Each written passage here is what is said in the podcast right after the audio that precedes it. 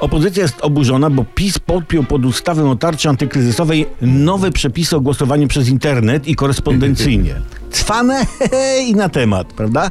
Ale wyborów w tych warunkach zorganizować się nie da, twierdzi opozycja. To pan prezes na to nie da?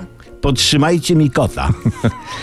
Ewidentnie, ewidentnie PiS szykuje wybory 10 maja i opozycja jest wkurzona. Ale nie ma opozycji racji, opozycja racji, że się wkurza. To dobrze, że PiS dąży do wyborów 10 maja.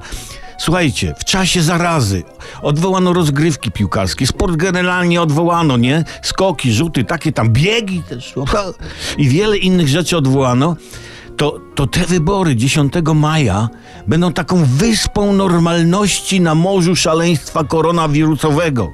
Takim wydarzeniem dodającym nam wszystkim Polakom sił do dalszej izolacji na kwarantannach. To jest fantastyczna sprawa. Tu jakiś ham, wirus szaleje, a my gromko pokazujemy jemu, pokazujemy jemu, tak, palec pani Lichockiej. Przecieramy brew i odgarniamy włosy. Idziemy do kościoła i po mszy ładnie ubrani udajemy się do lokali wyborczych. Koniecznie ładnie i elegancko ubrani, żeby wirus wiedział, że nie ma do czynienia z frędzlami, grząsiami czy innymi zacofańcami, ale wręcz przeciwnie, z ludźmi na poziomie, świadomych swoich celi, obywatelami przepełnionymi poczuciem obowiązku wobec ojczyzny i świata.